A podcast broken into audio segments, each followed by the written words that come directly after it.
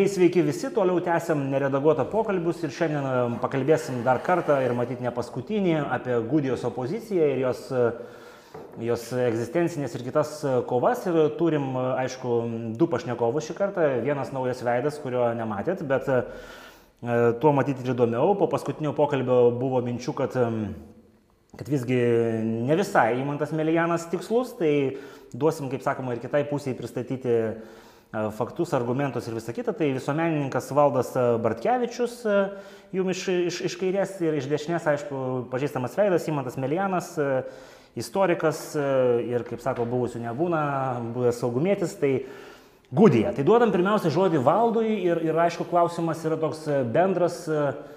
Gudijos opozicija, čia vienalytis kažkoks reiškinys, ar, ar čia yra iš kažkokių skirtingų grupuočių viduje susidedantis organizmas, kurie kovoja tarp savęs ir dėl įtakos ir panašiai.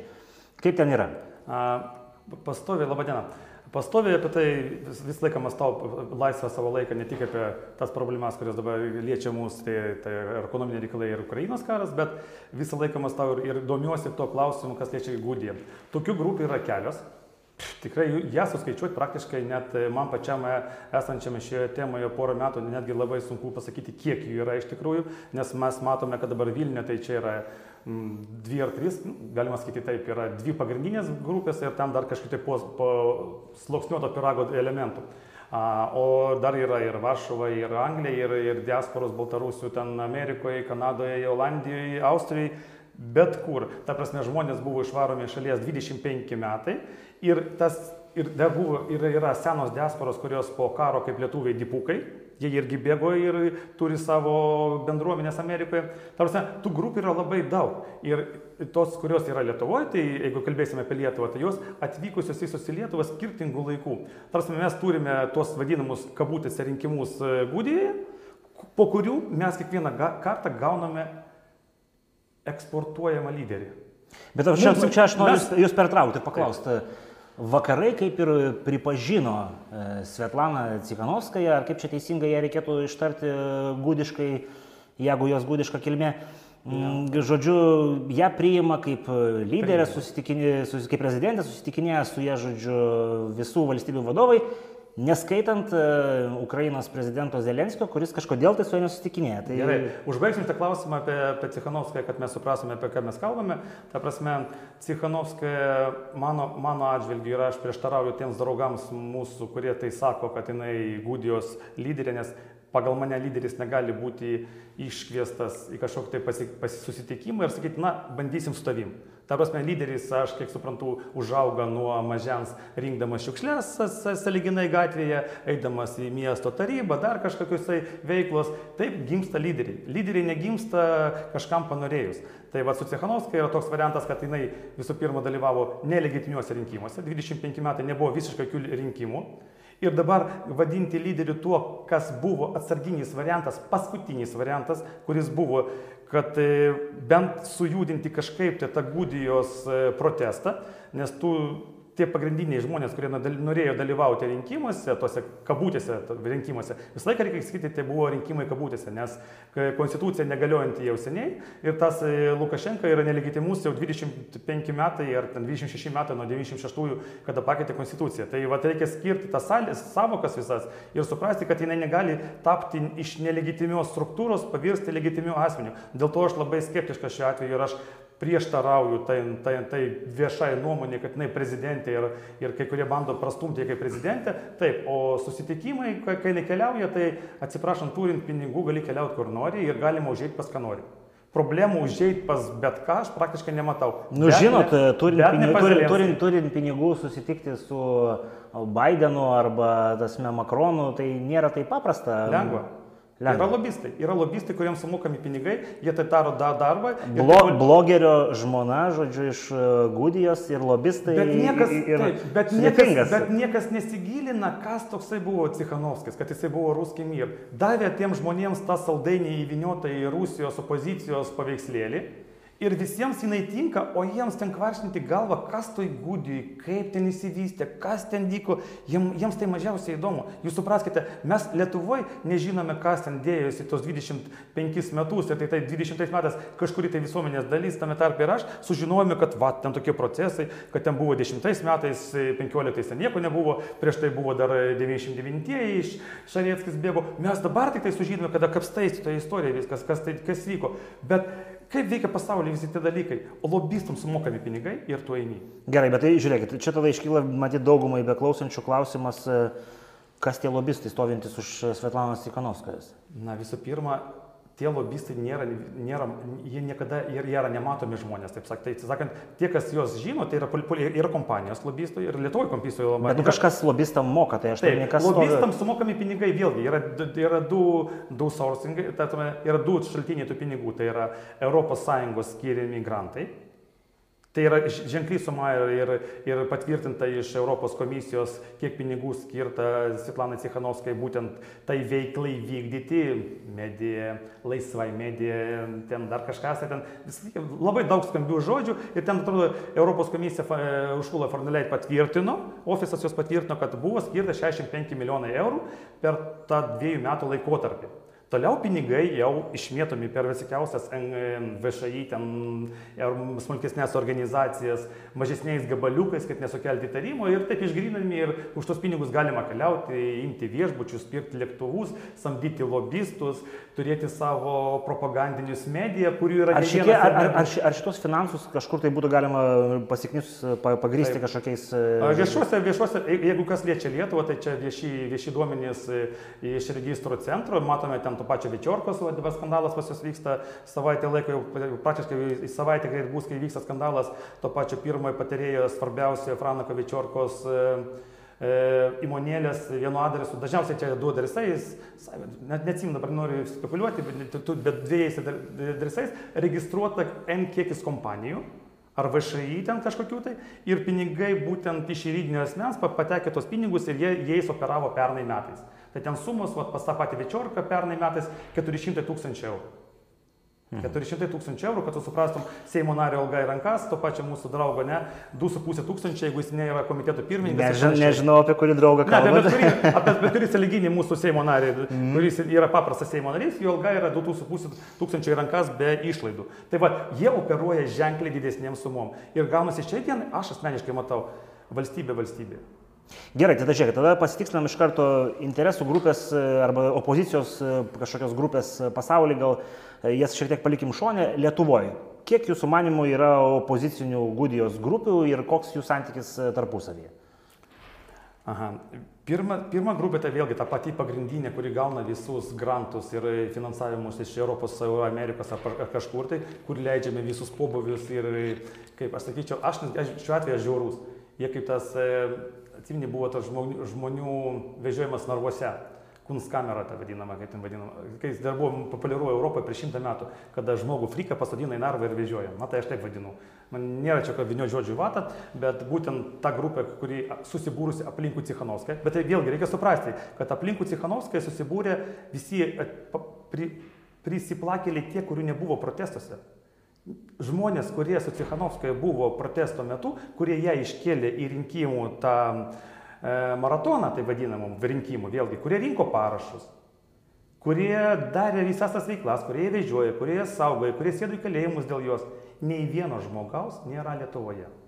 Bet gal jie bendrauja, tasme, nei glaudžiai. su, vienu, nei su vienu žmogumi jie nebendrauja. Nu, toks drasus teiginys, bet nu, mes. Aš pažįstu visus žmonės, aš pažįstu visus žmonės, kurie tai prasuko taip sakysime, kurie tai paleido tą procesą, tikėdamasi permainų Baltarusijoje ir būt, pasatė būtent tą žmogų visiškai, kuris buvo nepavojingas Lukašenkai ir Lukašenka tai priėmė kaip visiškai nepavojingą žmogų ir kurią kažkodėl tai vėlgi paleido į Lietuvą, tai vėlgi didelis klausimas, kodėl. Man tai labai didelis stopimai, tranzitas ėjo per Lietuvą kai, ir, ir būtent tokia vat, moteriškė paprasta, kuri kepė kotletus, ją įkišo į Lietuvą. Vėlgi čia daug klausimų ir atsakymų mes vis dar negauname. Kodėl būtent Lietuva, kodėl ne Ukraina, kodėl ne Lenkija. Lenkija, kodėl ne Latvija, kodėl ne Estija, kodėl iš vis nepasodino lėktuvą ir neišsiuntė Ameriką. Nes pagal Dublino memorandumą mes turime pirmoji šalis, kuri priglaudė, priglaudė tą žmogų, jisai gauna pabėgėlių statusą ir privalo ten gyventi. Ar jinai turi pabėgėlio statusą, mes irgi nežinome praktiškai. Mhm. Mes nežinome, ar turi pabėgėlių. Milena, jūs žinote?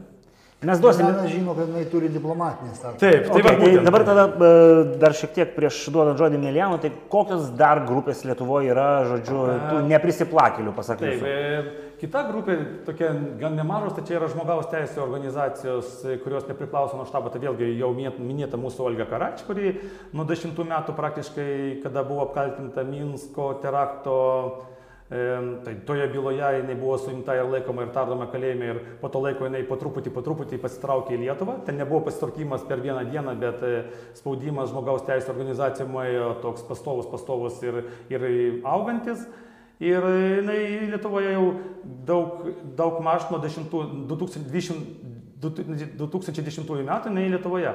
Ta prasme, ta organizacija, kuri rūpinasi ten visokiausiais politiniais kaliniais visą laiką, ten didžiausia grupė tų žmonių, kuriais jie rūpinosi, tai buvo vaikai, pagal, kurie nuteisti į Baltarusiją pagal 328 straipsnį, kuris yra už narkotikų laikymą ir naudojimą, būtent tie paaugliai. Ir ten didžia, didžiausias darbas jos buvo visą laiką būtent žmogaus teisės, o po tų rinkimų jau jinai po truputį išsivažiavo ir jau pradėjo eiti į tą sferą politikos ir aišku, tie žingsniai, kai kurie galbūt ir kreivokiai ir ne visai vykę buvę, kai kurie ten dauguma galima apie juos ginčytis ir įvairiai apie juos ir interpretuoti, nu, bet žmonės daro, ką gali ir tokiuose sudėtingose sąlygose jie daro, ką jie įsivaizduoja, kad tai yra teisinga ir reikalinga. Tai va, o kita grupė, vėlgi, na, yra ten visokiausių, bet čia va pagrindinės grupės, ten kitų mažesnių grupelių, ten yra ten iš vis, kurie niekam nepritarė ir jūs vis, iš, iš vis nesimato, tai mes galime jų dar suskaičiuoti kažkiek tai, bet e, ta didžiausia grupė tai Cichanovskis, kurie priklauso. Tai šitą, tai šitą suprantu. Tai gerai. Tvarko, tai žodžiu, išklausom valdo intro, duosim dabar įmantui, gal prašy dėl, dėl Cikanovskijos, gal kažką papildyti, gal mūsų kolega Gal taip, gal aš čia tiesiog kol nepamiršau. E, Vienas lyg tai visiškai neesminis faktas, tai būtent kada e, Olga Karač atsirado Lietuvoje, tai e, ką tik tai e, išgirdome, kad jinai atsirado kažkur e, 2010 metais. Bet kai aš pasinaudodamas viešą informaciją parašiau apie tai savo straipsnėje, irgi nedarydamas iš to jokių toliai einančių išvadų. Kažkodėl tai vadinamajame atsake, kuris buvo ten pat Alfa LT patalpintas ir kurį parašė Olga Karač arba kažkas jos vardu parašė, nesvarbu. Tai tenai parašyti, kažkodėl labai užprotestavo šitą dalyką ir jinai ten teigia, kad jinai iš esmės tik kažkur porą pastarųjų metų Lietuvoje, kas aišku netinka tikrovės, nes jos našdom, kuris yra įregistruotas Čekijoje, jis taip pat yra įregistruotas Lietuvoje. E, Organizacija šita ir jinai įregistruota 14 metų sausio 20 dieną, tai likus lygiai mėnesiui iki Rusijos užpolimo, e, reiškia, Ukrainos. Tai žinoma, aš jokiais būdais nenoriu suvesti, kad tas registravimas kažkaip su Putino sprendimu užpulti Ukrainą susijęs, tiesiog, kad lengviau būtų datą prisiminti. Mhm. Ir dabar grįžtant prie e, vadinamosios gudiškos opozicijos, tai aš labai trumpai, bet dviem žodžiais noriu priminti, kad labai gaila, bet gudų tauta taip ir e, nesusigulėjo, nenusistovėjo, kad tai, tai vienintelė iš buvusios Rusijos imperijos vakarinių pakraščių, reiškia etnografinių tautų, kurios visos buvo nuo Suomijos, iki, nu, imsim vakarinį pakraštį, tai nuo Suomijos iki Ukrainos, galim pratesti dar toliau į Kaukazą. E, visos jos vienaip arba kitaip laikotarpėje nuo 17 iki 21 metų turėjo savo valstybingumą, sukūrė savo centrinę ir vietinę administraciją, ginkluotasias pajėgas ir daugiau ar mažiau sėkmingai kovėsi su baltais ir raudonais rusais. Ir vienintelė, kuri iškrenta iš šito konteksto, tai yra Gudija, kurie sugebėjo tik tai paskelbti tą BNR, vadinamąją Gudijos liaudės Respublikos nepriklausomybę ir nieko iš to toliau neišėjo. Todėl, kad paprasčiausiai nespėjo dar iki to pirmojo pasaulinio karo, kurio daugelis mūsų tau- tautų pasinaudojo, to susidūrimų, susidūrimų di- didžiųjų, langas, jo. didžiųjų ir Gudijai tas kažkodėl neįvyko, o paskui buvo ilgas bolševikų valdymo laikotarpis, kuris iš esmės tas status quo, kuris egzistavo e, iš karto po pirmo pasaulinio karo šitose terenuose, šitose teritorijose, tai viskas išbuvo iki pat Sovietų sąjungos subirėjimo ir vėl mes susidurėm su tuo pačiu. Jeigu Lietuva savotiškai, sakykime, nu, kuri valstybė senoji Lietuva valdė ir dabartinės Gudijos, ir dabartinės Ukrainos teritorijos didžiąją dalį, ir kartu su Lenkija, kuriai mes davėm irgi didingą valdovų dinastiją, e, buvo kaip pagrindinis bastionas e, vakarų civilizacijos prieš Azijos invaziją ir galima sakyti, kad savotiškai tą estafetę šiuo metu tęsia tokios organizacijos kaip NATO ir ES, galbūt Ramštainas. Tai vėlgi mes labai suinteresuoti ir Lietuva, ir Lenkija, ir Ukraina, kad vėl visi būtume kartu, bet dėja Gudija iškrenta iš to. Ne dėl to, kad daleiskim koksai, nu, iš paimsim iš senųjų lyderių, pagal amžių, pagal viską galima sulyginti, daleiskim, su mūsų profesoriumi Vytautu Landsbergiu, aš turiu menį Zenoną Pazneką. Ne dėl to, kad jisai prastesnis. Čia, kaip sakoma, narot nada minėti. Tauta visiškai buvo nepasiruošusi pritartam, priimti šitų idėjų, bent jau didžioji dalis. Yra be abejo kažkoks nuošimtis protingų ir garbingų žmonių, Bet jų yra ir Rusijoje lygiai taip pat, bet kurioje Rusijos srityje irgi ne, ne visi yra tokie visiškai zombiai ir putinoidai. Tačiau tai yra nepakankama kritinė masė tam, kad pasikeistų visa Rusija, o šiuo atveju, apie ką mes šnekam, visa Gudija. Dabar jau, vat, kai tą pamušalą padėjau, kad būtų minkščiau, tai dėl gudiškos opozicijos ir jos atstovų Lietuvoje. Taip, yra jie skirtingi, skirtingai vadinasi skirtingos pavardės e, ir veidai. Tačiau tokiais atvejais reikia sukurti kažkokį atpažinimo savas svetimas mechanizmą, kuris veiktų pagal aiškius kriterijus. Kodėl savas, kodėl svetimas.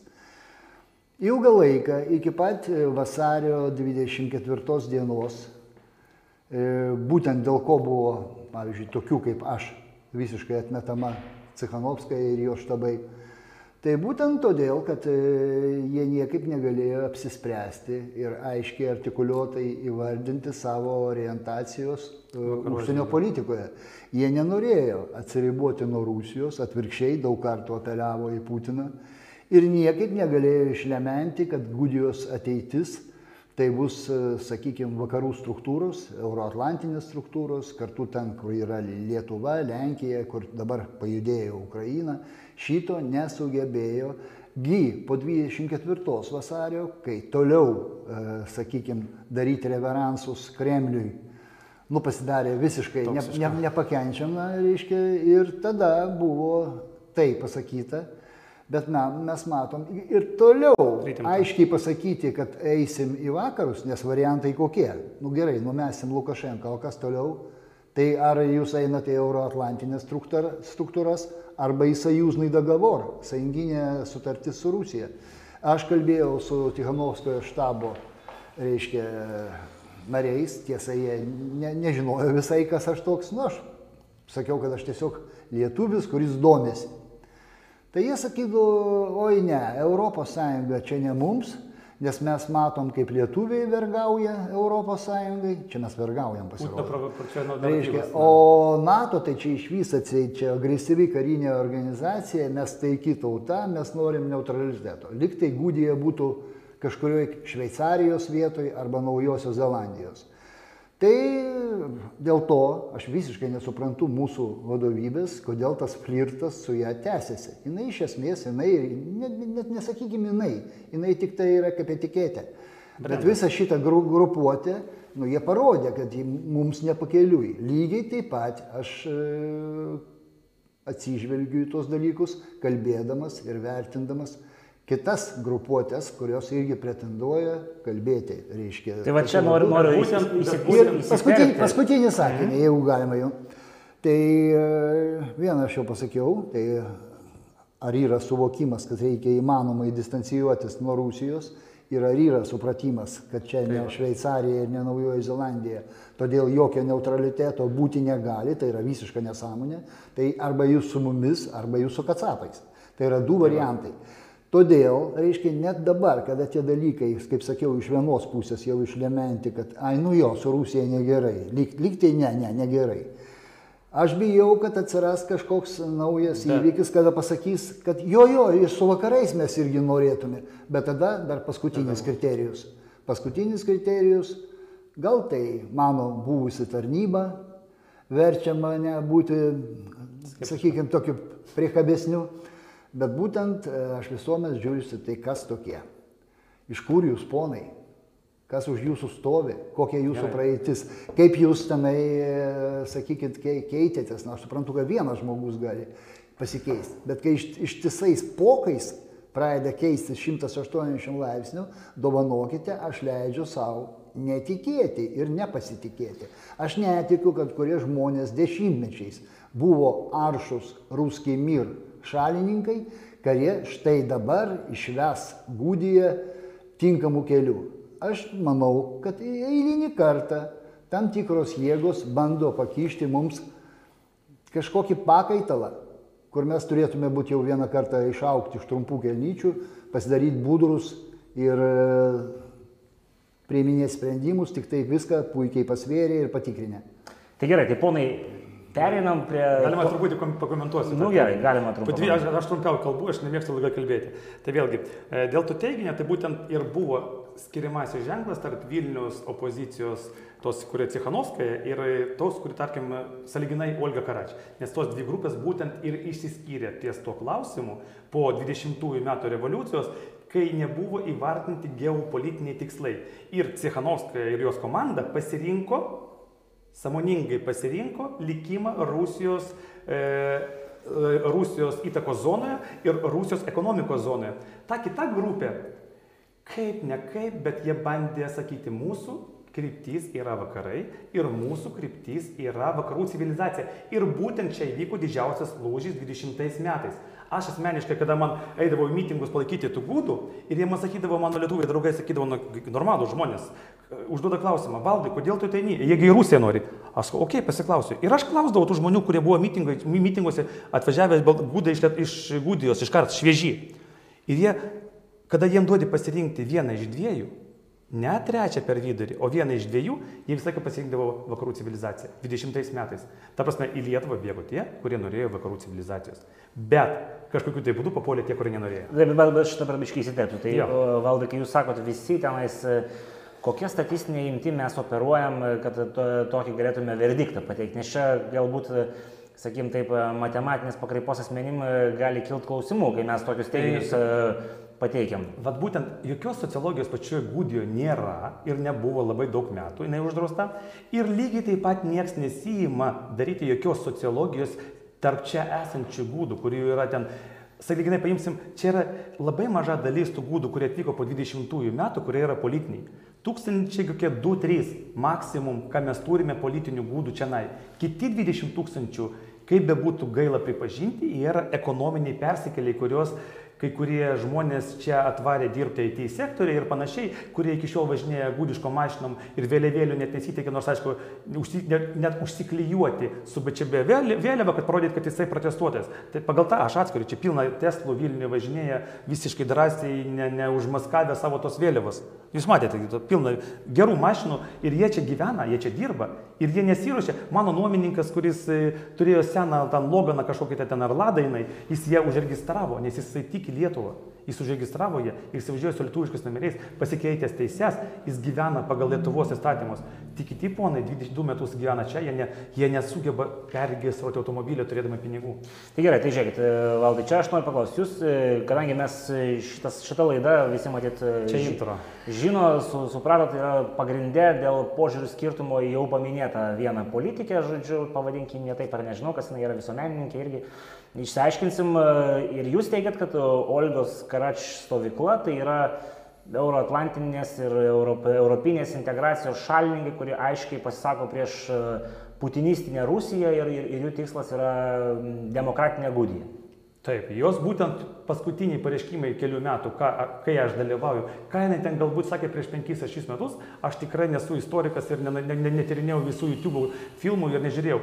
Būtent tie du metai, tai yra, aš sakau, skiriamoji riba, tai buvo 20-ieji metai, tai kada mes galime jau kalbėti apie tą virsmą tikrai. Prieš tai, kas buvo, Na, kiek žinau, tai jinai irgi prieš tą ruskį mir buvo pastovi, nes jinai pati yra baltarusių gudų kalbos mokytoja pagal profesiją.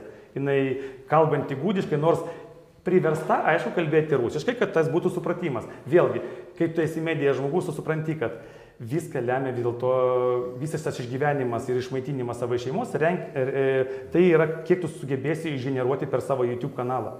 Jeigu tu negauni grantų, tavo YouTube kanalas yra pagrindinis šaltinis ir kuo daugiau tu turi pasirašysi ant tavo YouTube kanalo, tuo daugiau šansų, kad tu išgyvensi bent palaikydamas savo mediją resursą. Bent mediją resurso išlaikymas, tai jau tau garantuotas.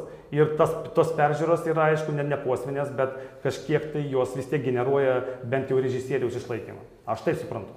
Ok, tai tada duokim Imantui pasakyti, nes kiek aš suprantu, Imantas apie Olgą Karač turi kitokią nuomonę ir, Man ne tik, nuomonė... ir, ir ne tik istorinę tenais dešimtmečių, bet... Taip, aš anksčiau ne, nebuvau jos pastebėjęs iki 16 metų. Pirmas kartas, kada tiesiog įsidėmėjau šitą pavardę, paieškojau, kas tokia, kas tai per organizacija ir taip toliau. Tai kaip sakiau, 16 metais, kuomet e, keli per daug įsisiautėję vietiniai prorusiški žurnalistai. Jie gyveno Gudijai, tačiau rašydavo paprastai į imperinius saitus e, Maskvos, e, kurie kabindavo ir valdantį režimą, tačiau ne iš provakarietiškų pozicijų, o būtent iš prorusiškų. Ir aplamai e, abejojo, ar egzistuoja tokia tauta, ar e, turi teisę egzistuoti tokia valstybė kaip Gudija ir panašiai. Ir e, čia taip gavosi, kad aš tam parašiau kaip tik tuo metu apie jos taip pat į, į ukrainietišką portalą Informa Palm. Ir tuo pačiu man tada pateko į mano akiratį, kad Wikipedijai yra didelis straipsnis su, su padaliniais to straipsnio, e, aktyvūs separatistiniai judėjimai Europoje Ir jeigu ten buvo, nu, rašoma apie škotų, apie baskų, katalonų ir taip toliau, taip toliau, kur daug maž visiems žinoma ir įsivaizduojama, staiga atsiranda tom pačiom dienom, kai jie ten buvo suaktyvėję šitie vyrukai, e, straipsnis rusų kalba. E, separatistinis judėjimas Gudijoje, kur ten rašoma, kaip nori atseit tenai vakarų polesėje vadinamieji Jotvingiai atsiskirti, o rytinėse srityse Vicapsko, Mahiliovo ir Homelio tai atseit link Rusijos prisiskirti, nu kaip ir rašo draugas Averianovas Kirilas savo knygose. Tai, tai buvo naujiena. Ir visą šitą aš sukaliau į vieną didelį straipsnį, kuris e, praėjo taip, buvo, sakykime, plačiai pastebėtas, sprendžiant iš to, buvo, kokie atgarsiai buvo Rusijoje, kontrstraipsniai pasipylė, taip toliau.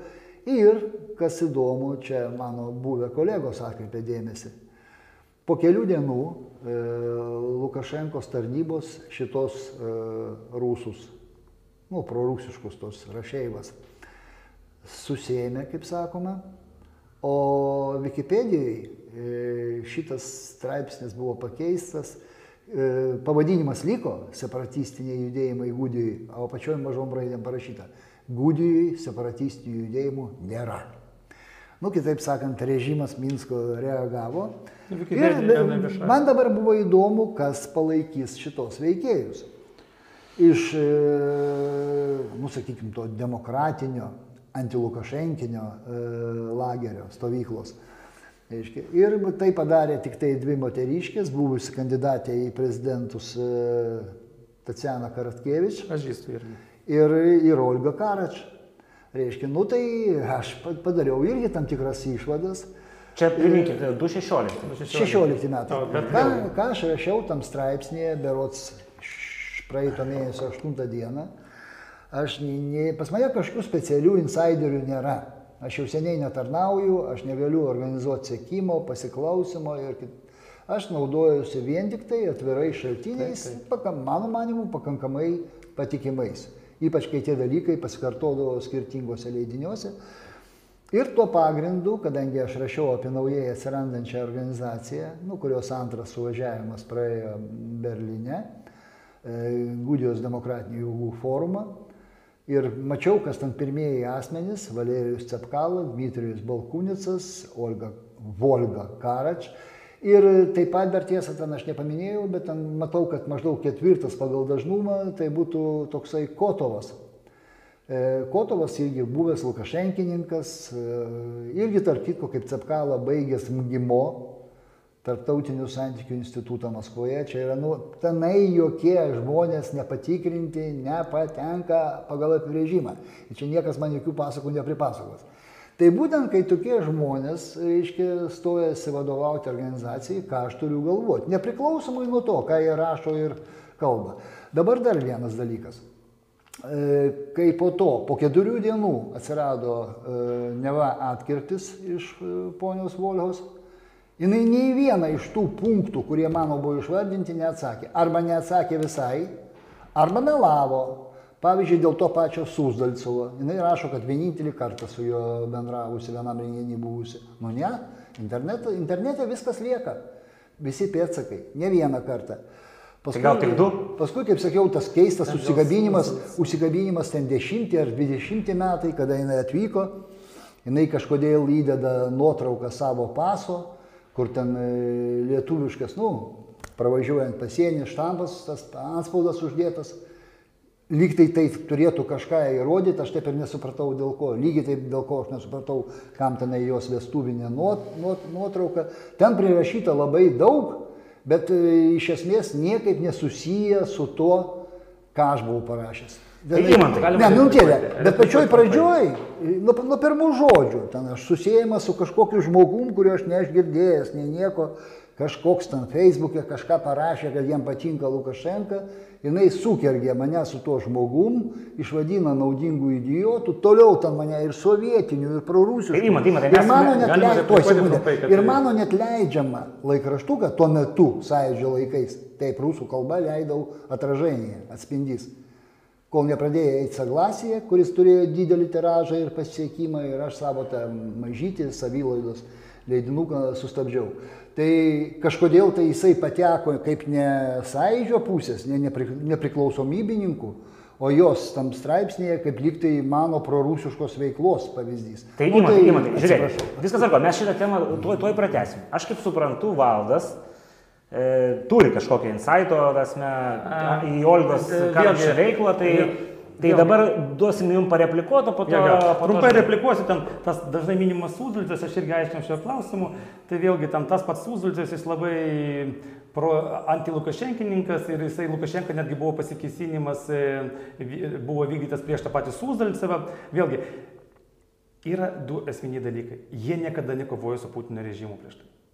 Putino režimas jiems nebuvo toks aktualus, jie ėmė tą mažą užduotį, tai yra Lukašenka, kuris uzurpavo valdžią Baltarusijoje.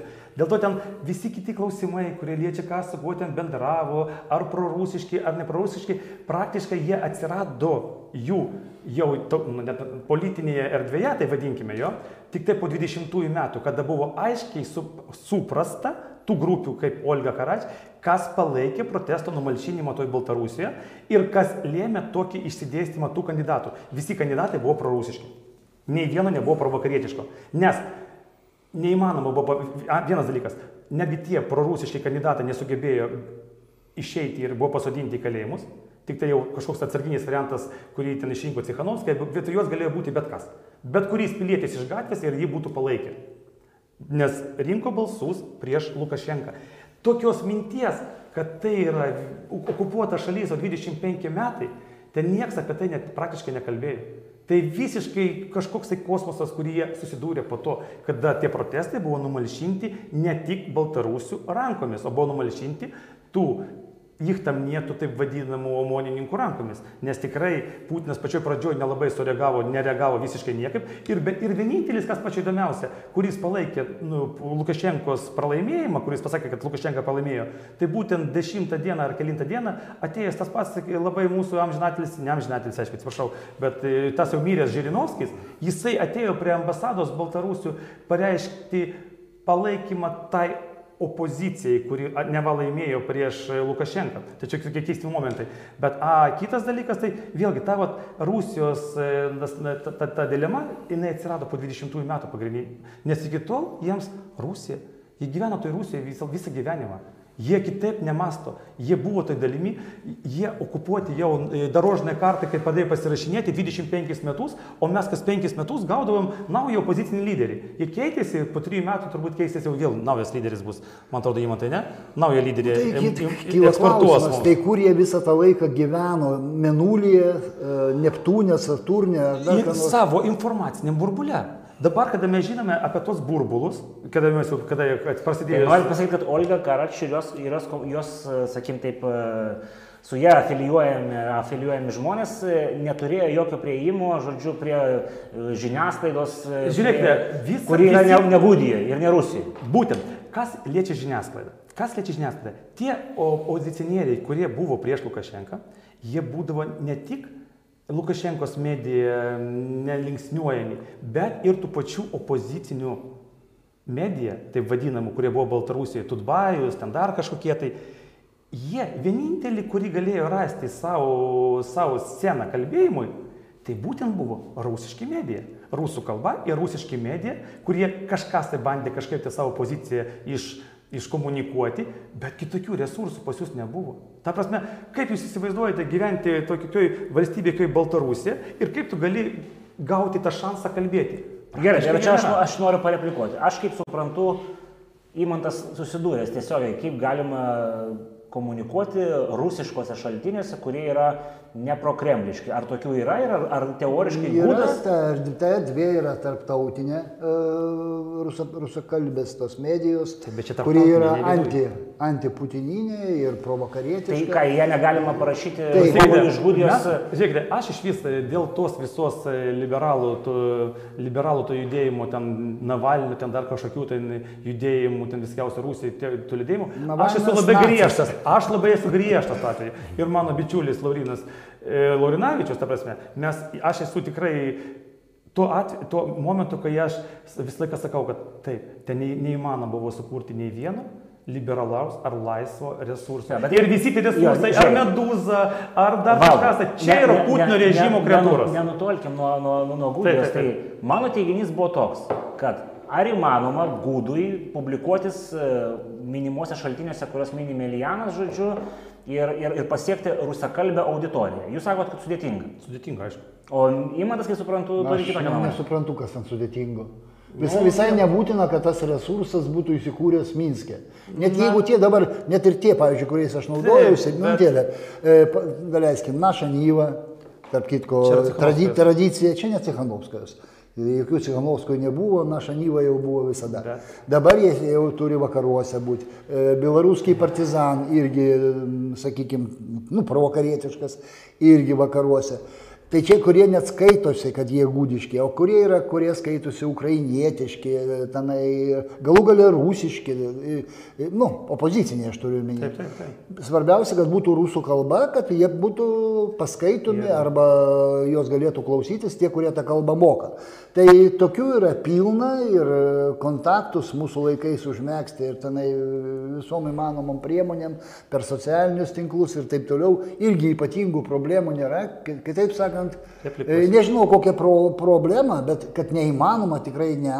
O antras dalykas svarbiausia, aš nenoriu, kad mes įklintume į kažkokią neaišku apie ką šnekėjimą. Nes e, tai, kad iki pastarųjų dviejų metų, kaip pasakyta jūsų, reiškia, to nebuvo, jie neatkreipė dėmesį, jie gyveno rusiškam informaciniam burbule ir viskas, man kažkodėl mes darom visai priešingas išvadas. Tamstos e, nuomonė, tai jos išteisina, pateisina ir viskas čiki. Mano manimu, tai yra visiškas absurdas ir klausimas, tai kokia yra jų kreatyvinė kokybė tų veikėjų, jeigu jie sugebėjo iš tų 30 metų daugiau negu 300, reiškia, išgyventi tokiam burbule, kad jie prieš du metus tik tai išžiūrėjo, kas yra realus blogis. Okay, Nu. E, Vėlgi, aš visą laiką lyginu tą Baltarusiją, kaip žmogus truputį prie ūkio ir esu pagal profesiją inžinierius ir, ir statybininkas. Tai vėlgi, aš tai sakau, kad taip, Baltarusija visą laiką tai buvo laukas, kurį nuodė pesticidais. Ir dabar mums tikėtis, kad jame įmanoma užaukti daržovė kažkokia tai. Bet tai jūs teigiat, kad Olga gerai, gerai. Tai jie, ta jie, visi tampa, jie visi, jie visi uža, ka- kas yra pačia keiščiausia, tai kad tie visi žmonės vakaruose pradeda aukti ir gali užaukti to, ko jie dabar tampa visi. Netgi ta pati Cechanovska iš to kotleto ke- kepėjus, jinai jau pavirto kažkaip medija, jau jinai moka prieš kamerą stovėti, ta prasme, nors prieš tai tikrai nemokėjo. Vėlgi, už, vakarai duoda savo, kaip bebūtų, čia jokių, jokių abejonių nėra. Dėl medija resursų, nu vėlgi, yra medija resursai tie, kurie per žiūrų gali sugeneruoti milijonus, o kiti ten tūkstančius. Tie Tai tūkstančiai... jūs mūsų- teigiat, kad tie, kuriuos pasiūlė milijonas, Klausykite, yra Tie tūkstančiai. tūkstančiai, ne, me, na, naša nyva vėlgi, dėl naša nyva irgi replikuoju. Naša nyva gavusi paramą iš e, mūsų minėtos draugės Cichanovskajos e, fondų grantų pagalba ir būtent jie tai, tai pastoviai tą visą dviejų metų jų, nežinau kas buvo prieš tai, bet dviejų metų jų redakcinė ta visa politika, tai būtent tai yra Cichanovskos išlaikymas e, farvaterėje. Tai va tikrai žinoma ir tikrai matoma ir tikrai yra du tipai medija. Tie, kurie pasirašė sutartį ir buvo siūloma visiems dirbti su Sichanovskojo štabu ir jie gavo resursą, arba tie, kurie nedirba ir negauna resursų. Viskas. Neturėdamas pinigų, tai nei dirbti gamyklą ir tampi darbininku, o ne blogeriu ir žurnalistu. Tai yra viskas. Ir tie, kurie gavo pinigų, tai ar Malanka, ten ar dar kažkas, tai jie išgyvena. Malanka gavosi pinigų ir jie išgyvena, jie gali filmuotis, gali renkti laidas, Belsatas lygiai taip pat. Ir tokių, tokių yra labai daug. Pinigų sugišta labai daug į tą mediją antipropagandinę, taip vadinkime antipropagandinę, bet nesvarbu čia. Ir tie jie veikia. Bet ten niekada nebuvo tų aštrių temų apie Putiną, apie Ruskį myrą, apie imperijos tą galybę. Ten nieko togi nebuvo. Tengi buvo visi baziniai klausimai. Pagrindinis klausimas, aš su Baltarusais ginčiausi du metus. Kodėl jūs, sakau, viską verčiate Lukašenkai? Pagal mane tai vis vienas kalčiausių žmonių, tai yra tas pagrindinis, o Lukašenka yra gauleiteris. Ir būtent tą pačią formą baltarusiškose buvo pirmam formė, būtent ten buvo rezoliucija. Tai buvo ten, pirma rezoliucija buvo tokia nelabai geri, bet antra, pirm, ta pagrindinė rezoliucija pramušiau aš rėkdamas. Lietuva pripažįsta, kad Minskas yra okupuotas, pas mus yra ženklai, nors aišku pripažino tik ženklo pavydalo kol kas. Ir aš norėčiau, kad pripažintų Seimas, kad jie okupuoti, o ne šiaip tik tai ant ženklo važiuojant į Minską. Bet Lietuva vis tiek parašė, kad Minskas yra okupuotas Kremliaus, o jūs patys negalite savo to pripažinti. Ir jie to, na taip, ir buvo dalis aršių tų veikėjų, kurie tai pripažįsta, dauguma jų gyvena Ukrainoje. Ukrainoje nėra taip paprasta gauti leidimą gyvenimui. Ukrainoje filtruojami žmonės, ne tik SB SBU filtruoja, ne tik ten pasikalbėjimo, bet ir poligrafo pagalba. Ir būtent tas žmogus, kuris surinko Cichanovskai parašus, jo būte buvo skaičiuojami parašai, kad eiti į rinkimus. Jisai būtent dabar yra aršiausias jos kritikas ir gyvena jisai Ukrainoje, kur praeis ir poligrafą ir viską.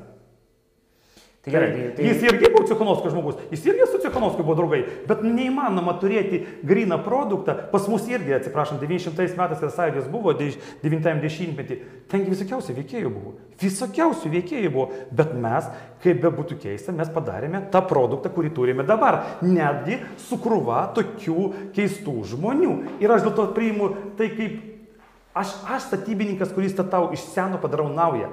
Renovuodamas seną namą, aš padarau jį naujų. Ir tai yra, tu man pavyzdžiai, aš lentvarį darau, aš niekur nelendu, aš nepardavimui, aš nuomai. Ir aš savo rankomis perdarau iš to šūdo į normalų gyvenimo tinkamą būstą, kuris atitinka visus. tai valdai, žiūrėkit, esminis klausimas. Tai ar mes sutinkam su teiginiu, kad e, visa Gudijos opozicija, galima sakyti, esmė, iki pastarųjų metų vasario 24 e, su Rusija norėjo draugauti?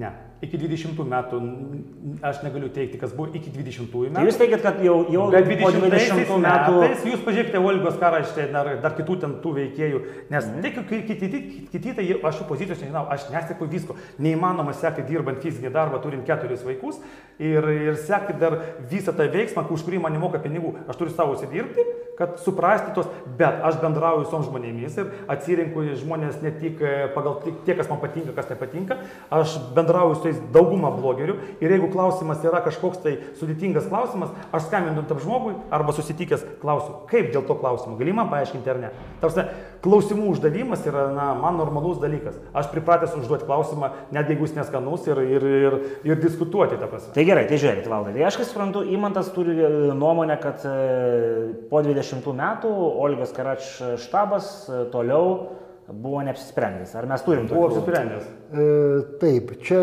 jau galima net dvi mano bus replikos iš to, kas buvo pasakyta oponento. Vienas dalykas dėl to, kad tenai kažkokia riba yra 2020 metai. Jos nėra tikslios. Štai iki šiol ten buvo nesupratimas, o po to atsirado supratimas, buvo blogėti, pasidarė gerėti. Antras dalykas dėl vadinamosios gudijos okupacijos. Tai galima iš eilės. Mm, iliustracija. E, nu, mes dabar čia techninių galimybių nėra, bet aš, aš atsiųsiu. Mes pa parodysim. tą. Taip, e, pernai, pernai, jau ne kažkada, pernai tai buvo balandžio mėnesį, YouTube'e, reiškia, Olga kreipėsi į kovojančius Ukrainoje gudus. Ir ne tik tai į mūsiškius, nu, Kalinovskio Taip, taip. Tai št- pulką, tą batalioną tuo metu. Reiškia, bet ir į tos, kurie nugrinai tam atėjo, kad žudyti žmonės ir greut ten viskas, kurie vadinamosiose ten Donetskaja, Luhanskaja, Narodnaja Respublikaja, pa- jų dariniuose karinėse. Reiškia. Ir jos ten labai buvo įdomus toks pasakymas, įdomus kabutėse be abejo, kad štai čia ne jūsų žemė, tai ne jūsų karas, čia jūs ten niekas negerbė ir panašiai. E, Atrodo, ten ir tokių stipresnių žodžių buvo, bet esmė tokia, kad to jau bus X valanda, e, grįžkite ir jūs, žinos, jūs žinote, ką reikės daryti. Tai Ir ką, ma- reikės, maž- ką, mažų- ką, ką reikės daryti, apie ką čia kalba eina? Tai aš irgi nežinau. Tai vat Pirmiausia, aš nežinau. galima šitą daryti, aš užbaigsiu tą tiradą. E, Pirmiausia, aš nelabai suprantu, ką kartu gali daryti žmonės, kurie eina už civilizuotą pasaulį, už tai, kad nors kada nors jame atsidurtų ir ateities gūdija, reiškia, ir tie, kurie eina tam, kad žmoniją sunaikinti. Tai dabar Su, įmatai. su Putino šiukšliam. Tai dabar, įmatai, a, jūs sakėt dvi replikos, bet e, labai pašnekovas nori Aš noriu re- replikuoti, re- replikuoti kad neusikasti, kad neusikasti. Dėl to video asmeniškai aš esu, tą vi- video nežiūrėjau, tiesą sakant, man sakė Muždabajevas apie jį, nes ir tai yra kliuvinys, e, kliuvinys būtent e, taip pačiai Olgai irgi papulti į Kyivą ir būti pristatomai tarp tų aukščiausių vadovų, nes tai yra kliuvinys ir tai yra žinoma, o jos motyvas... Kliuvinys, bet Olga, jūsų nuomonė, vis tiek validi. Ten vėlgi, tengi tas pasiteisimas, kai jinai man sakė, ir aš suprantu, kad jinai sakė, ten buvo kai kurie momentai susiję vėlgi. Vėlgi, ta struktūra, kuri yra Olgos, tai yra žmogaus teisų, teisės yra pirmoji vietoje. Ir ten buvo, jūs vėlgi galite pasikviesti ją, ją į studiją ir pas, jinai pasakys, aišku, rusiškai arba angliškai, galima angliškai. Jinai pasakys, kodėl tai buvo padaryta tiksliai, nes aš tikrai nežinau tam tų visų niuansėlių.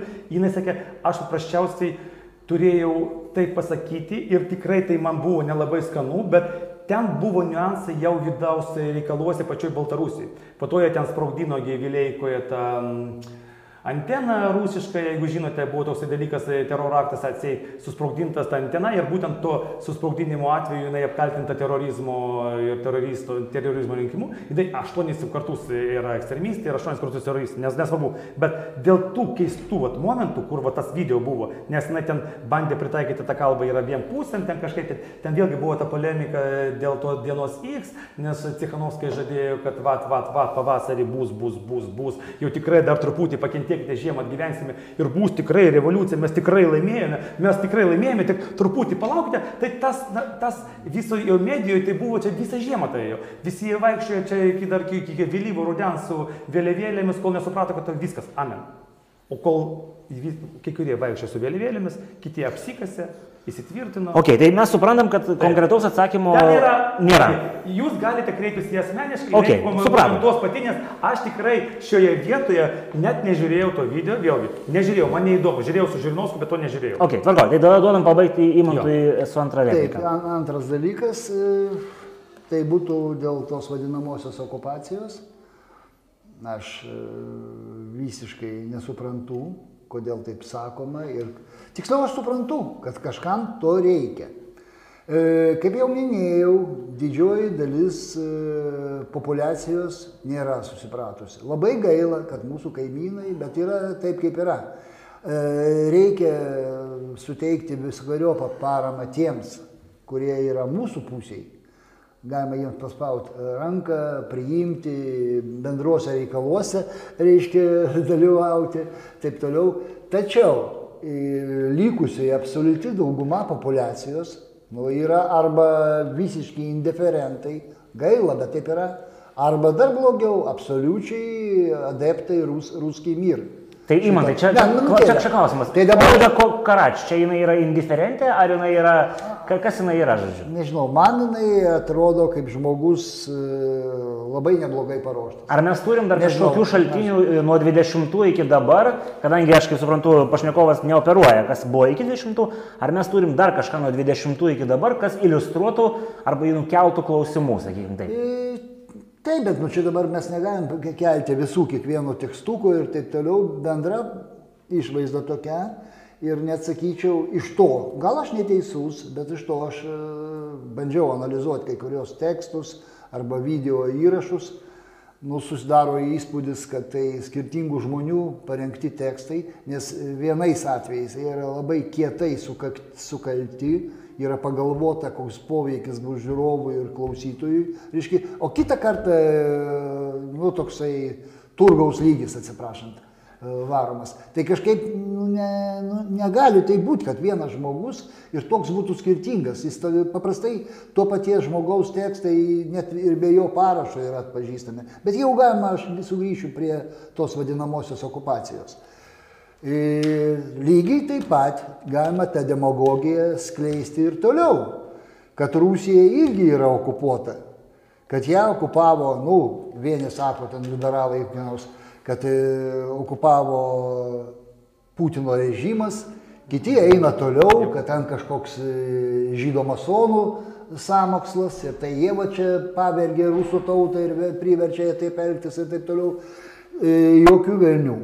Jeigu didesnė tautos dalis nesugeba arba net ir nenori nusikratyti, reiškia, tokio režimo, ar mes kalbėtume apie Rusiją su Putino režimu, ar apie Gudiją, reiškia, su Lukašenkos režimu. Ir kaip sakau, taip, išeidavo šimtai tūkstančių žmonių į demonstracijas, bet nei vienas, jie iškeldavo BČB, tas tautinės vėliavas, bet jie neiškeldavo jokių e, lozungų, kad e, turėtų į, į vakarus judėti. Nu jeigu nėra to, ko nėra, nu, tai kodėl mes turime imituoti? Gudija turi kartu su Rusija pralaimėti karą, ten turi būti įvestas išorinis valdymas, turi būti pravestas smegenų išvalymas, derusifikacija, desovietizacija, deidiotizacija, taip pat kaip Rusijai denuklearizacija, ten deimperializacija, dešovinizacija ir taip toliau. Turi ir po to, daug dievė, galės jau jinai eiti pati to savo keliu normaliai kartu su mumis ir taip toliau.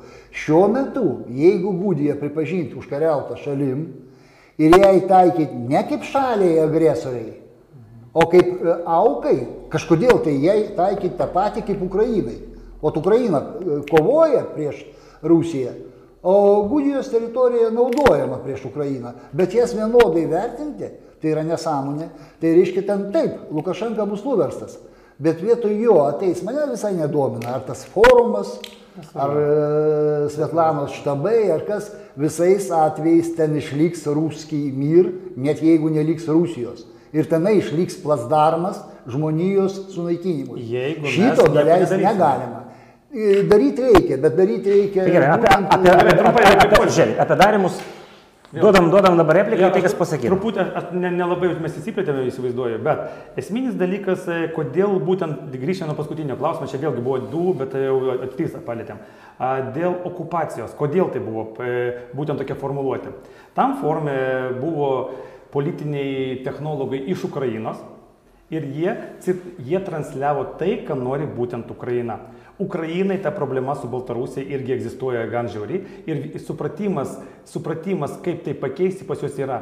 Jie nenori turėti dviejų priešų rytuose, jie nori turėti vieną priešą, tai yra Rusija, Mes nesakom Rusija kaip Rusija, aš sakau Rusija kaip per Z, Ruzija, taip sakysim. Nu, aš ir replikuosiu. tas Taip, ne- ir- Tie, kurie klauso Aristovičiaus, tai pasak jo, Gudija iš vis yra joks ne priešas ir tas ne nevalidus. Ne, ne. Tai yra tiesiog minkšta vieta. Tas Aš Aristovičiaus neklausau, nes čia vėlgi psichoterapeuto man šiuo atveju nereikia. Ir, e, Mes supratom, kad jūs e, jo, neklausot Aš ne toje, šaltinių. ne toje, ne tame socialinėme burbule, kur klausyti Aristovičius. Būtent tie žmonės, kurie buvo su konkrečiais tikslais atvyksta į forumą ir jo buvo ne, ne vienas ir ne, ne keli. Tai tas Taip, forumas čia, kur Cepkavo dalyvavo ir visa kompanija, ten jūs manote, kad čia yra. Gudijos demokratinė ateitis. Jūs ne, tai yra diskusija. Čia ne ateitis. Ateitis yra nesvarbu, ne, mes nežinom, kai ateitis bus. Ateitis dabar kuriama, aš sakau, kad yra kuriama fronte. Nebūtinai Kalinausko būrys, galbūt bus kitas būrys. Fronte atsiranda nauji lyderiai. Taip, jie žūsta greičiau negu normaliam gyvenime, bet tas, kuris išvyks, jis gali, gali tapti lyderiu. Ir mes sutinkame su to, kad lyderių jau gana, jiem prisižydė su savo lyderiais, naujo caro gimimas neišspręs, kaip jūs sakote, tų problemų, nes kitas caras bus toks pats, tik galbūt blogesnis.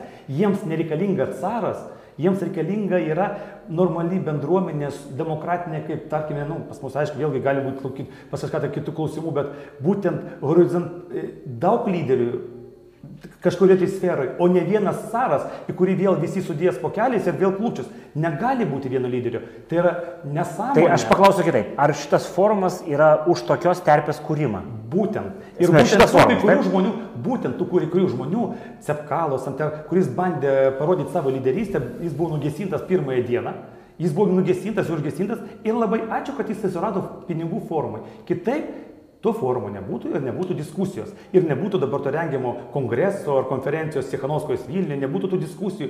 Būtent tas, tos diskusijos prieš priešos tarp Cichanovskos ofiso ir kitų, būtent pagimdė tą politinę diskusiją pas juos viduje. Nes jie nėra kur būti šalyje, jie privalo būti kažkur tai. Ir būtent ta diskusija, ačiū Svetlanai Cichanovskojo štabui, kurie ten visi man pagal mane keisti žmonės ir kitur keisti žmonės, jų daug keistų žmonių, bet ta diskusija gimdo kažką tai, gimdo laisvų žmonės, kurių mes galbūt dabar nematome, bet jie jau pradeda galvoti apie tai. Ir aš labai tikiu, kad iš tikrųjų atsiras tokie žmonės, kurie galės tai padaryti. Mes nežinom, kada tai bus, kada tas bus galimybių langas. Po 10 metų, po metų, po 5 metų, po 20 metų. Mes neįsivaizduojame. Ir vėl grįžkim prie tos temos dėl okupacijos. Ir būtent ukrainiečiai pasiūlė tą visą reikalą su okupacija, kad pripažinti apie okupaciją.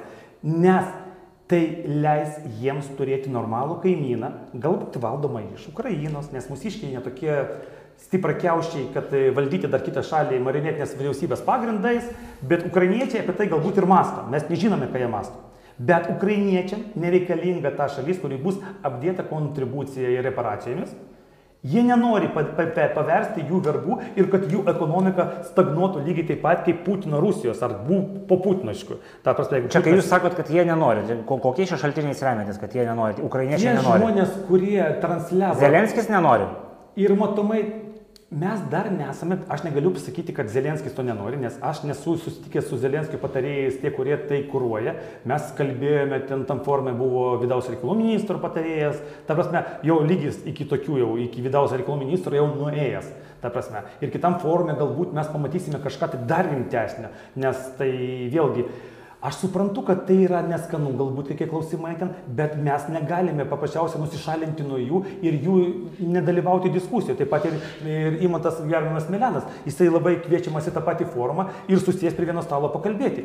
Nuo to tavo rankos netampa e, kraujuotos ar dar kažkokios. Tai. Bet ant, kitas dalykas, politinė terpė kokia yra.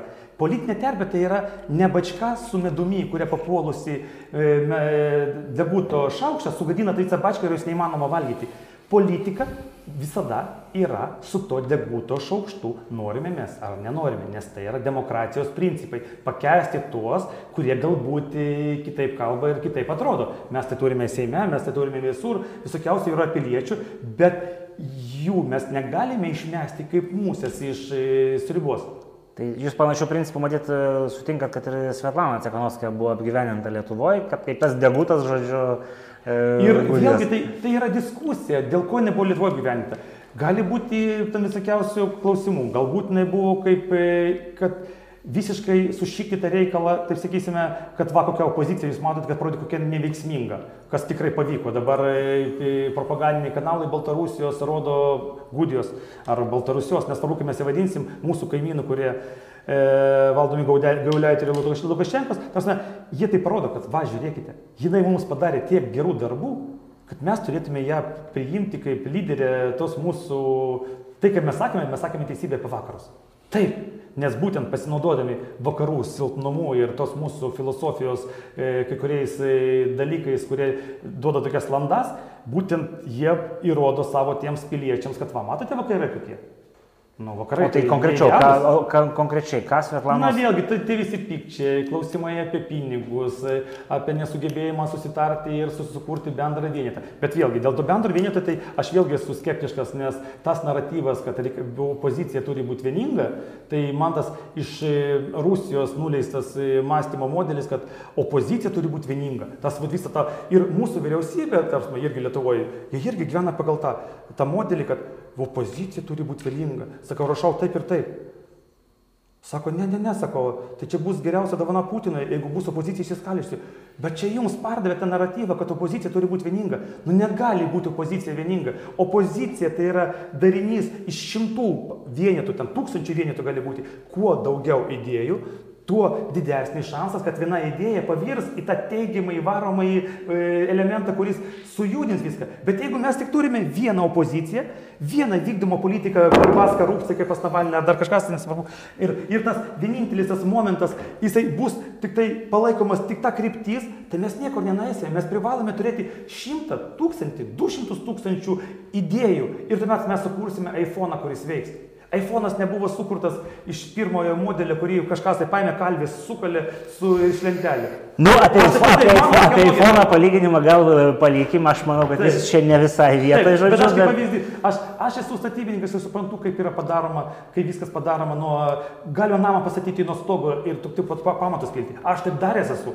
Ok, valai, tai žiūrėkit, dabar tada duokim įmantui replikuoti dėl uh, Va, jūsų oponentas sako, kad e, forumas, e, opozicinis darinys, e, daug skirtingų dalykų susibėgia. Aš kaip suprantu iš to, ką esu girdėjęs iš jūsų, kad šitas opozicinis darinys panašesnis į tai, ką mūsų kolegos, žodžiu, kitos svečio mintimis, sakoma, nuleis tavo vieningą opoziciją iš Rusijos, tai panašu, kad tas forumas, vat, jūsų mintimi yra nuleistas irgi iš Rusijos, čia jūs nesudarėt. Ar aš teisingai suprantu? E, galbūt ir pats forumas, bet kaip minimum žmonės, kurie jį organizavo ir turėjo jame didžiausią svorį ir buvo labiausiai matomi ir manau, kad būtent jie buvo autoriai visų tų rezoliucijų ir panašiai, arba bent jau jų pavedimų kažkas atliko. Duokim pasisakyti. Tai visi tie žmonės vienaip ar kitaip e, turi paskui save rusišką labai tokį akivaizdų pėtsaką ir e, tas rusišką kvapą. Todėl aš negaliu priversti nei savęs, nei tų žmonių, kurie manimi pasitikė, įkalbėti juos, kad štai tikėkime, o gal vis dėlto, o dabar jie kitokie ir jie tą dalyką padarė ir tas dalykas bus irgi kitoks. Aš net apibendrinamas galėčiau pasakyti, kad ar mes kalbėtume apie tą naujai atsiradusi Cepkalos, Olgos Karač, Balkunso ir taip toliau forumą, arba apie štabus Tikhanovskijos ar kas, niekas realiai jokių jėgų neatstovauja, nes, kaip sakiau, susipratusi tautos dalis, tautiškai susipratusi, o tik po to gali būti pilietiškai susipratusi, jin sudaro maždaug dešimtadalį visos populacijos. Kitaip sakant, dar nusimato ilgas darbas. Todėl darbas ta prasme, kad e, ugdyti šitą populaciją, Daug tai gal šitas forumas ugdo? E, čia kaip suprantu. Ne, nemanau, čia iš pat pradžių ne, ne, ne, ne tie žmonės susijęma ir nieko ten nebus. Nežinau, aš todėl ir sakau, aš labai surišau su to pasiūlymu pripažinti, kad okupuota šalis. Ne, jinai iš tikrųjų turi pralaimėti, jinai iš tikrųjų turi būti okupuota. O, kaip, o kaip jums tas argumentas, kad Ukra Ukraina nori va, to, to naratyvo? Aš nežinau, ką Ukraina nori aš supratau, kažkas iš Ukrainos kažką sakė. Ar taip nori Ukraina, ar yra tai suformuoluota. Man, galų galę aš pats esu analitikas, nu aš netikiu. Ukrainai reikalinga būtent taip, kaip aš sakau. Gudija turi pralaimėti, jin turi išgerti taurę iki galo. E, Žinoma, jos ats- atsakomybės e, laipsnis netoksai kaip Rusijos, žymiai menkesnis, bet vis dėlto išorinis valdymas ir turi praeiti kažkiek, tai nežinau, penki ar kiek metai, reiškia, kad e, ats- jeigu normaliai per šimtmetį šitas nesusigulėjo, tai reikia padėti, reikia pagreitinti, įstačius į labai aiškius rėmus. O tikėtis, kad tenai ten ar kas e, Večiorka, ar Latuška, ar Olga Karaš, ar Cepkalo jie paims ir stebuklą darys, nu nepadarys. Gal Aš dabar sakau, nepadarys, Sakate. nepadarys ir nieko čia nebus. Todėl, e, jeigu mes norim iš tikrųjų broliškai kaiminiai tautai ir šaliai padėti, mes pirmiausiai turim teisingai nustatyti lygą, kuri, ta lyga, kuri ėda šitą organizmą. Neapgaudinėti nei savęs, nei kitų ir nesiūlyti kažkokių eilinių tokių kažkokių užkalbėjimų, sakykime, kad va, štai šitie dabar, ką, ką šitie dabar. Toj rezoliucijai vėlgi nieko nėra dėl geopolitinio pasirinkimo, vėlgi vengiama šito. Tai Ir taip toliau, nu, tai kodėl aš turiu manyti, kad, kodėl aš matydamas, kad taip nėra, turiu pats save įkalbėti, kad neįmantai, čia viskas bus gerai, viskas. Nu, aš matau, kad negerai. Nu, tai du- duokim dabar repliką valdui, nes jis visą laiką labai šypsosi. Aš labai ir, ir, ir, noriu ir, replikuoti, nes tokių požiūrių kaip įmanto, tai čia yra elektorato dalis keli procentai ir su tuo neįmanoma iš vis nieko padaryti. Jeigu aš statysiu kom- komandą statyti... bet tai jūs sakėt, kad turi man reikia nepadaryti, o turi patys tautiečiai gudijos pasidaryti. Ir jie pasidarys. Ir antras dalykas dėl, dėl tų palaikymų. Mhm. Ir iš, vėlgi mes grįžtame prie to, kad e, didysis brolis turi būti irgi kažkoks. Tai, ta prasme, jeigu rusai sugeba tai padaryti ir paveikti jų bendruomenę kažkaip kokiais tai būdais propagandiniais ir sugeba išauginti ten pro savo pro naudingus asmenys, ta prasme, tai vakarai šioje vietoje nedaro nieko. Jie tik tai maitina vieną tai, kažkuria tai da, da, da, dalį, kuri iš vis niekur neveda. Ir būtent vakarų lyderystės trūkumas privedė ne tik prie karo Ukrainoje, bet ir prie tos problemos buvimo, kurie yra Gudijoje. Tai dabar mes jau į tokį teiginį šaunam į trasą, kad vakarų lyderystės e, trūkumas e, privedė. Lyderystės trūkumas visą laiką jinai buvo palikta e, toj e, imperijos zonoje kaip status quo nesuprantama valstybė, tokia vat, ne, nesuprantama visiškas darinys ir visiems buvo gerai, prekyba kažkaip tai vyko, kažkas tai vežė krovinius, kažkas tai pirko kalį, kažkas tai pirko naftą ir dar kažkas tai ir vis, visą tai tenkino iki tam tikro momento, kol neprasidėjo tikras karas Ukrainoje 14 metais, o po to jo karo pratesimas jau 22 metais. Ta prasme, vėlgi tai čia, čia yra galima diskutuoti apie viską, bet tie... Ne, tai mes apie viską neskutuojame. Jo, Mes jo, diskutuojam, bet ta mes diskusija diskutuojam gali- apie, apie. Gudijos opoziciją. Būtent, ir būtent tai, kad pas mus supratimo pačioje Lietuvoje irgi nėra apie tą Gudijos opoziciją, nes mes e, Lietuvoje visą laiką yra viena tema, dviejų temų niekas ne- negvildena tuo pačiu metu. Visą laiką yra viena tema, kita diena ateina, yra ta kita nauja tema, o ta senoji pamirštama. Nėra taip, kad judėjimas vyktų keliomis kryptimis ir būtų kažkas... Nežinau, iš ko jūs šitą teiginį išsunkėt, nes aš manau, kad žmonės, kurie domisi atskirom temom, jie nuolat randa informacijos skirtingose šaltiniuose. Na taip, taip bet vėlgi čia toksai, toksai burbulizmas socialinių, tamsai, jeigu pasakai apie tą pačią Cichanovską, kaip jūs sakote, apie kurį sakėte, minėjote, band, e, štai, kokie ten Rusijai televizija sakė, Putin mudrį parvycil į mudrą Maskvą, na, iš Nadelait, išverstų, kad Putinas yra išmintingas. E, vadovas. ir- Echo Maskvai. Taip, jinai davė tą interviu, bet vėlgi Echo Maskvai tai vėlgi toksai Gazpromo resursas. Tai reikia suprasti, kad Echo Maskvai yra Gazpromo resursas ir Benediktovas yra Gazpromo žmogus. Tai kam tada eiti į Gazpromo resursą pasisakyti? O ne, jis iš nesupranta, kas tas yra Gazpromo mm. resursas. Jei pasiūlė, jinai nuėjo, jos patarėjimų, tai čia yra, tarsi, ir vėlgi grįžkim prie to, kad jinai pasakė mudrai Maskvai, mudrai Putin. Ir aš kalbuosi su Seimo nariais, kurie valdančioji koalicijoje mūsų, kurie tikrai yra tokie, kurie baigia netgi aukštosius mokslus, e, e, tartautinių santykių universitetus baigia, ta, ta prasme, tie, kurie žmonės pagimdyti būti politi, jau išsimokslinę būti politikais, ir jiems pasakai, va tokį ma- mažą faktelį, jie to nežino.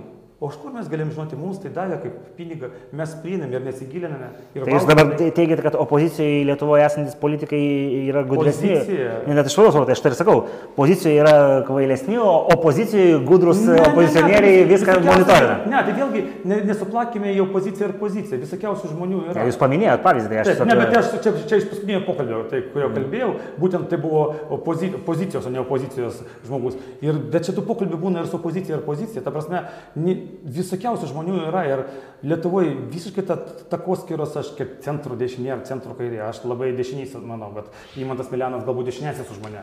Bet vėlgi mes nesiskirstume tokiais, e, nes čia Lietuvoje tai visiškai... Nu, aš kiek takoskyra. žinau, jūs abu esat prijaučiantys socialdemokratam, tai apie kokią dešinę mes kalbame. Taip, bet aš socialdemokratai esu labai dešinys ir, ir įmontas irgi labai dešinys. Mes- Dešinieji socialdemokratai. Taip, bet čia yra normalu, nes tas pats Šolcas, e, e, jisai yra labai labai dešinys, o Angela Merkel būdama konservatorė, jinai, jinai buvo labai kairė. Tai mes žinome, ta prasme. Ir čia nėra tokių, tokių vat, ribų, kur nubrėžtų, kad, ta prasme, kad būtų galima sakyti, čia juoda, čia balta. Nu, čia ne tavo marškinėlė juodi.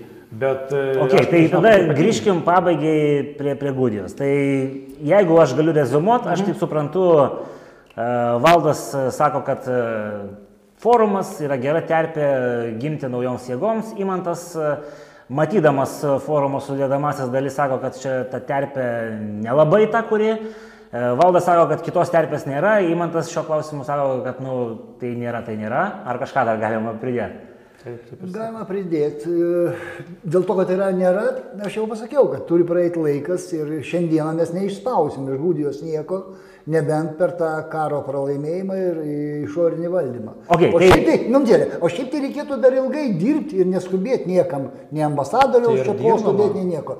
Ilgai, kantriai ir ne, ne, ne, ne, nepa, nepataikaujant tiems, kurie yra kitokie. Aš savo straipsnėje tame specialiai neįvardinau mūsų politikai, politikų, kurie kontaktavo, sakykime taip, su forumo žmonėmis.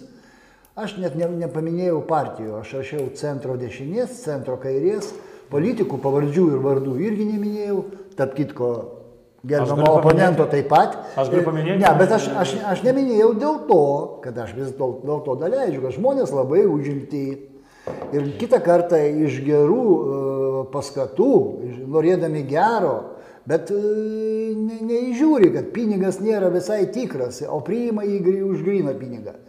Todėl mano tikslas buvo neįgelti tiems politikams arba kitiems, kurie remia, sakykime, forumo žmonės čia Lietuvoje, o pirmiausia atkreipdėmėsi tų pačių politikų ir visos mūsų visuomenės, tai kasgi tas per forumas ir kasgi ten per asabos. O galbūt kai kurių asabų mums čia Lietuvoje ir nereikia. Okay. aš Tai įmantai, žiūrėkit, aš manau, kad mes darom pauzę, šita tema yra neišsemiama, bent jau artimiausius kelis metus ar, ar kelis dešimtmečius. Iki galimybių lango. Aš sakau, kad galimybių langas gali būti rytoj. Mes nežinome, kada jisai bus. Tai mes pabandysim e, pakalbinti tą pačią Olgą Karač, aš tikiuosi, kad e, valdas mums padės. e, Taip, su- angliškai, angliškai sukomunikuoti, mes, mes rusų kalbą vengsime kalbėti. Jo, mes su, sugalvosim, kokį formatą padaryti, aš manau, kad galbūt reikėtų platesnį, gal pasikviesim ir kažką, taip. kažką iš, iš Seimo narių su skirtingom nuomonėm ir pasižiūrėsim, su kuo mes čia bendraujam Lietuvoje. Tai dėkui Valdui Bartkevičiui, visuomenininkui, dėkui Imantui Melianui, istorikui ir visi kiti titulai, kuriuos žinot ir ką. Dėkui visiems, kad žiūrėjote.